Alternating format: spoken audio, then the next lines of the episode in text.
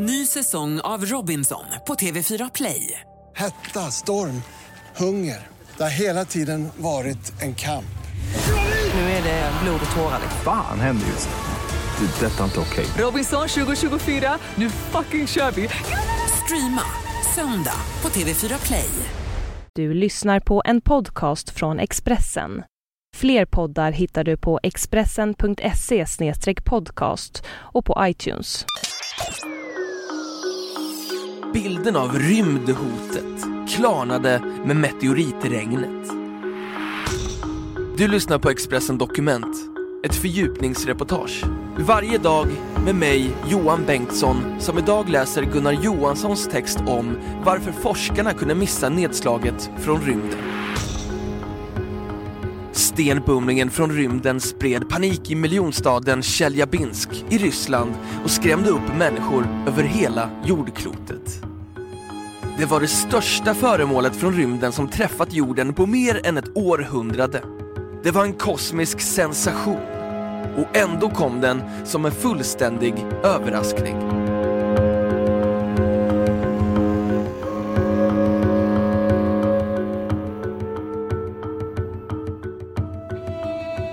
Meteoriterna som regnade ner över Tjelabinskområdet kom från en asteroid som bröts sönder. Den bestod till största delen av sten. Nu pågår en intensiv jakt efter resterna av den. Forskaren Viktor Grotjovski, medlem av Ryska vetenskapsakademins meteoritkommitté, leder det vetenskapliga teamet som söker efter rymdstenar. Forskarna har hård konkurrens av människor som vill tjäna pengar på sina fynd. Det har varit lätt att hitta mindre stenar genom att de har skapat små, lätt igenkännliga gropar i snön. Samlandet sker utan kontroll. Tidigare har vi forskare fått tips om fynd som gjorts, men nu är det ingen som informerar oss, säger en förargad Grotchowski till ryska medier. Den naturliga startpunkten för forskargruppen var vid det åtta meter breda hålet i isen på sjön Chabarkul, väster om Tjeljabinsk. Det kan finnas en stor sten där nere, men ingen vet. I en första omgång fann forskarna 53 små fragment på isen kring hålet. Alla mindre än en centimeter i diameter. De kunde identifiera flera ämnen i fynden. Det är mineraler som bara finns i yttre rymden och det bekräftar fragmentens utomjordiska natur, säger Grotchowski. Forskarna sökte vidare på andra platser än vid sjön Chabarkull och fann mer än 100 nya meteoritstenar. Den största var på 1,8 kilo, berättar Grotjovski. Han uppskattar att det på botten av sjön Chabarkul kan finnas en sten med diameter på 60 centimeter. Det kan totalt handla om hundratusentals meteoritfragment. De största kommer vetenskapsmännen troligen aldrig att hitta eftersom de ligger begravda djupt nere i marken.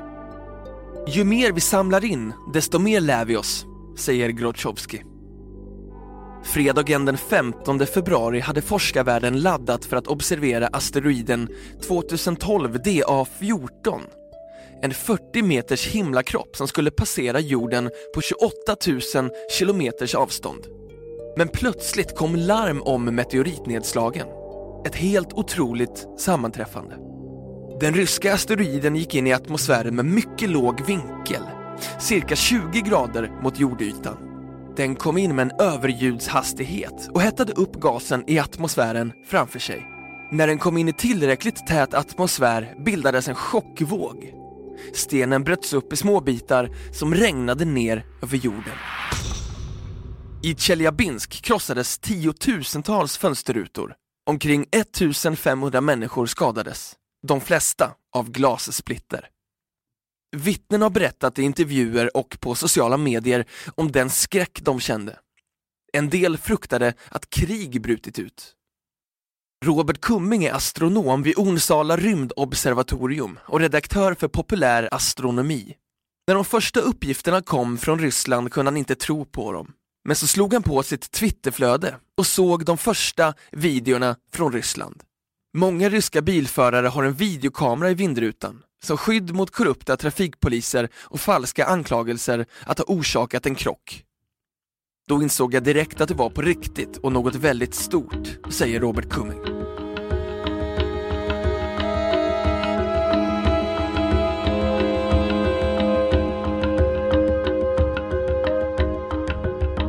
Expressen Dokument, en podcast från Expressen.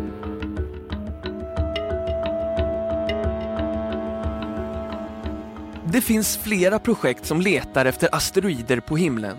Men ju mindre rymdstenarna är, desto svårare är de att upptäcka.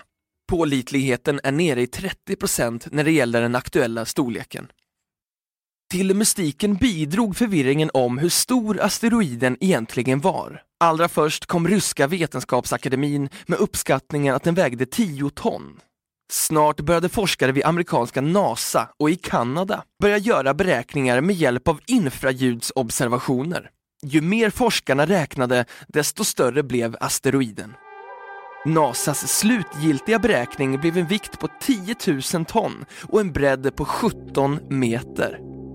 En annan uppgift som förvirrat många är jämförelsen med Hiroshima-bomben.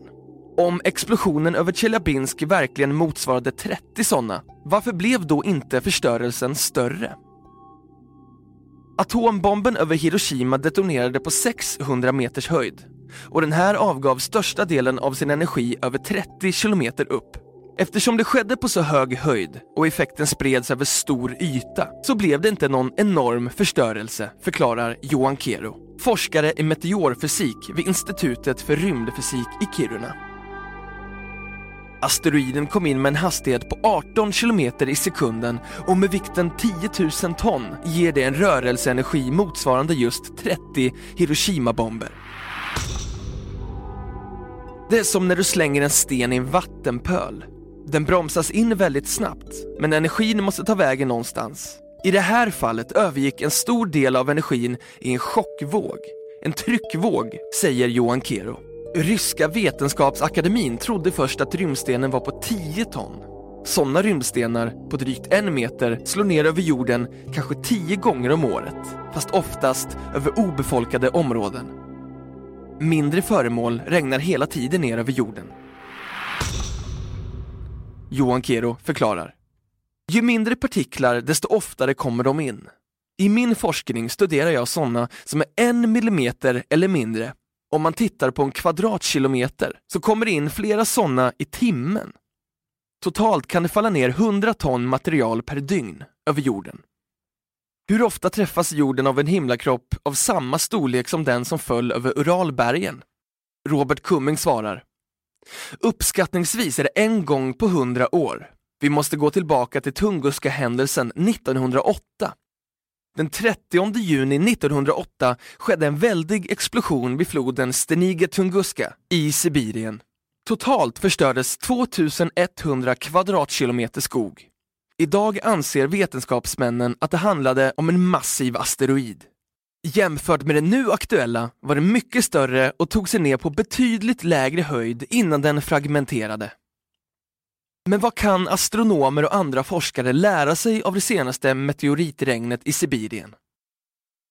Vi har fått det mest dokumenterade nedslaget i vår livstid, säger Robert Cumming. Det kommer mycket intressant forskning.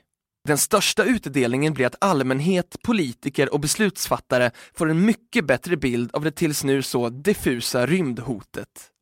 Alla får lära sig mer. Vi får en bättre chans att bedöma olika risker från saker som kan drabba jorden, från klimatförändringar till nedfallande satelliter och rymdskrot, nedslag av asteroider och solstormar. Vi ska vara väldigt tacksamma att asteroiden inte kom från fel håll under kalla kriget och att ingen trodde att det var en kärnvapenladdning och reagerade för snabbt. Du har hört Expressen Dokument, ett fördjupningsreportage om varför forskarna missade nedslaget från rymden i Sibirien av Gunnar Johansson, som jag, Johan Bengtsson, har läst upp.